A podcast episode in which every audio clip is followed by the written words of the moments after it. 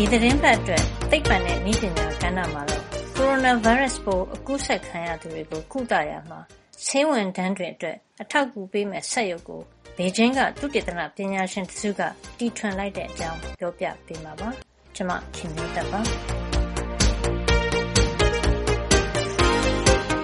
တရုတ်နိုင်ငံဘေကျင်းမြို့တော်မှာရှိတဲ့ဆင်ဟွာတက္ကသိုလ်ဟာထိပ်တန်းသိပ္ပံပညာရှင်တွေနဲ့တရုတ်ခေါင်းဆောင်တွေကိုမွေးထုတ်ပေးတဲ့တက္ကသိုလ်တခုဖြစ်ပါတယ်။ ဒီတက္ကသိုလ်က ပါမောက္ခ Zhang Ganti ဒီဇိုင်းဆွဲပြီး ဖန်တီးလိုက်တဲ့ စက်ရုံဟာ အဝေးထိန်းခလုတ်နဲ့ ထိန်းချုပ်ပြီး ခိုင်းနိုင်ပါတယ်။ဒီလိုခိုင်းဖို့ ဒီစက်ရုံမှာ တပ်ထားတဲ့ ကင်မရာကို အသုံးပြုတာပါ။ကင်မရာထဲမှာ မြင်နေရတဲ့ စက်ရုံရဲ့ လှုပ်ရှားမှုကို ကွန်ပြူတာ games တွေမှာလိုပဲ အဝေးထိန်းခလုတ် joystick ကိုသုံးပြီး ထိန်းချုပ်ပေးနိုင်ပါတယ်။အခုလို ဆေးကုသရေးအတွက် အကူအညီပေးနိုင်မယ့် စက်ရုပ်ကို တီထွင်ဖို့ သူဘယ်လို အကြံရလာတာပါလဲ။ တရုတ်နိုင်ငံမှာ ဖြစ်ပွားနေတဲ့ ရောဂါဟာ ကိုရိုနာဗိုင်းရပ်စ်ပိုး အသစ်ကြောင့် ဖြစ်ကြောင်း တရုတ်အစိုးရက ကမ္ဘာကို အသိပေးချိန်ဟာ ၂၀၁၉ ဒီဇင်ဘာလကုန် ဖြစ်ပါတယ်။ဒီရောဂါဒဏ်ကို သိသိသာသာ ခံစားလာရချိန်ဟာ တရုတ်နှစ်သစ်ကူးချိန်နဲ့လည်း တိုက်ဆိုင်နေတာပါ။ဒါကြောင့် လူတွေအတွက် ဘယ်လိုအကျိုးရှိအောင် လုပ်ပေးရင် ကောင်းမလဲလို့ ပါမောက္ခ Zhang စဉ်းစားနေချိန်မှာပဲ သူငယ်ချင်းဖြစ်တဲ့ဆင်ဟွာဆေးရုံကြီးက အကြီးအကဲ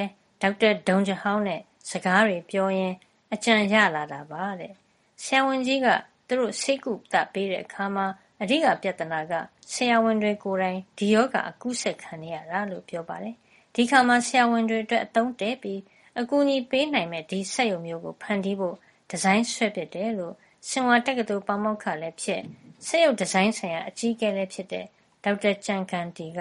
မန်ဒရင်းဘာသာနဲ့ အခုလိုပြောပါတယ်။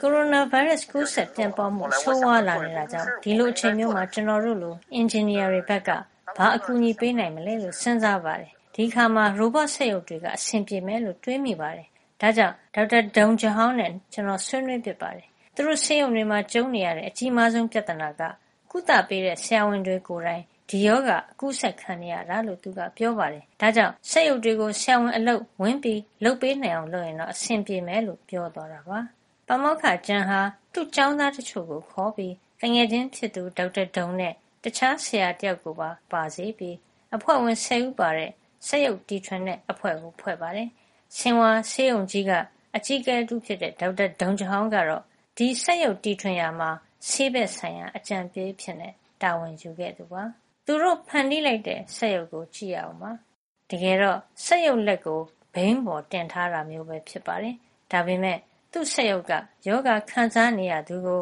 ultrasound ရိုက်တာတို့၊လူနာရဲ့ ပါးစောင်က တံတွေးနမူနာကို ယူပေးတာတို့အပြင် သွေးခုန်နှုန်းစမ်းတာလို နားကြပ်နဲ့ ဆရာဝန်တွေ စစ်ဆေးစမ်းသပ်တာ အတော်များများကို လုပ်ပေးနိုင်ပါတယ်။သူ့မှာ ကင်မရာလည်း တပ်ထားတာမို့ လူနာနဲ့ တခန်းထဲမှာ နေစရာမလိုပဲ ကင်မရာမှာကြည့်ပြီး လူနာကို ခိုင်းနိုင်ပါတယ်။ဒါ့အပြင် ဆရာဝန်ဟာ လူနာနဲ့ တမြို့ထဲမှာ ရှိနေစရာလည်း မလိုဘူးလို့ စက်ရုပ်တီထွင်တဲ့ ပါမောက္ခ Zhang ကပြောပါတယ်။ဒီစက်ရုပ်ကို လက်မောင်းမှာ ဒစ်ဂျစ်တယ် နားချပ်ကို တပ်ပေးထားပါတယ်။သူက ဒီဒစ်ဂျစ်တယ် နားချပ်ကိုသုံးပြီး လူနာရဲ့ နှလုံးခုန်တဲ့ အနေအထားအပြင် အဆုတ်တို့ ဘာတို့လို တခြား ကိုယ်တွင်းအင်္ဂါတွေရဲ့ အခြေအနေတွေကိုပါ ထောက်လှမ်းပေးနိုင်တာ ဖြစ်ပြီး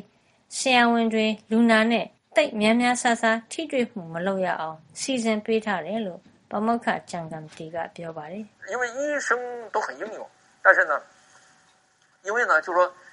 “ဆရာဝန်တွေက သိပ်သတ္တိရှိကြပါတယ်။ဒါပေမယ့် ဒီဗိုင်းရပ်စ်ပိုးက သိပ်ကို အကူးစက်မြန်ပါတယ်။ဒါကြောင့် ဒီလို စက်ရုပ်တွေကို အန္တရာယ်အကြီးဆုံးဖြစ်တဲ့ အခုလို ကိစ္စမျိုးမှာ သုံးနိုင်တာကြောင့် သိပ်ကို အရေးပါပါတယ်။”လို့ ပြောသွားတာပါ။အစတုန်းကတော့ သူတီထွင်တဲ့ စက်ရုပ်က အာကာသစခန်းတို့၊လကမ္ဘာစူးစမ်းရေးတို့လိုသုတေသနလုပ်ငန်းတွေမှာပဲသုံးတဲ့နည်းပညာကိုသုံးထားတဲ့အတွက်သူ့ဟာသူအားလုံးကိုဘာအကူအညီမှမလိုဘဲလုပ်ဆောင်ပေးနိုင်ပါတယ်။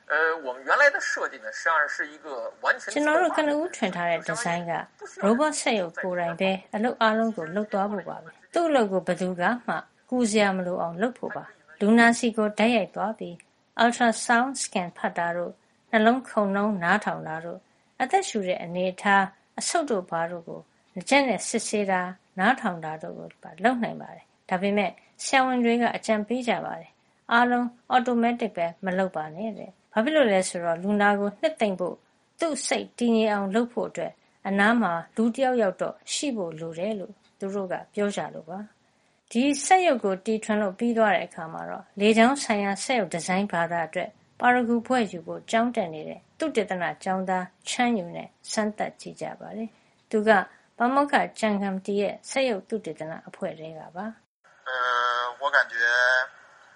သူက စက်ရုပ်ဆိုတော့ ကျနော်နည်းနည်းတော့ လန့်တာပေါ့။ဒါပေမယ့် တကယ်တမ်း ဒီစက်ရုပ်လည်း လာစမ်းသပ်ရော တကယ့်ကို နူးညံ့နေတာ တွေ့ရတယ်လို့ ချမ်းယူက ပြောသွားတာပါ။ပါမောက္ခကျန်ဂမ်တီကတော့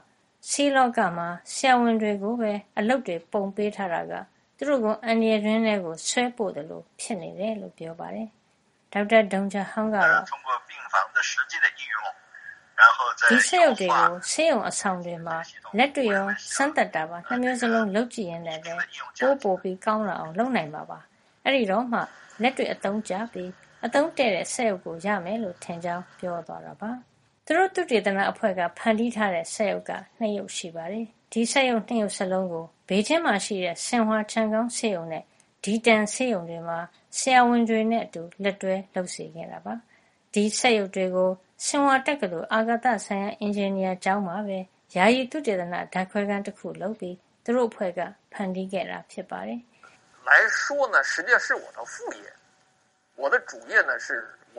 အခုလို စက်ရုပ်ဒီဇိုင်းထွင်တာဟာ အချိန်ပိုင်းလုပ်တာပါ။ကျနော့် လက်ရှိအလုပ်က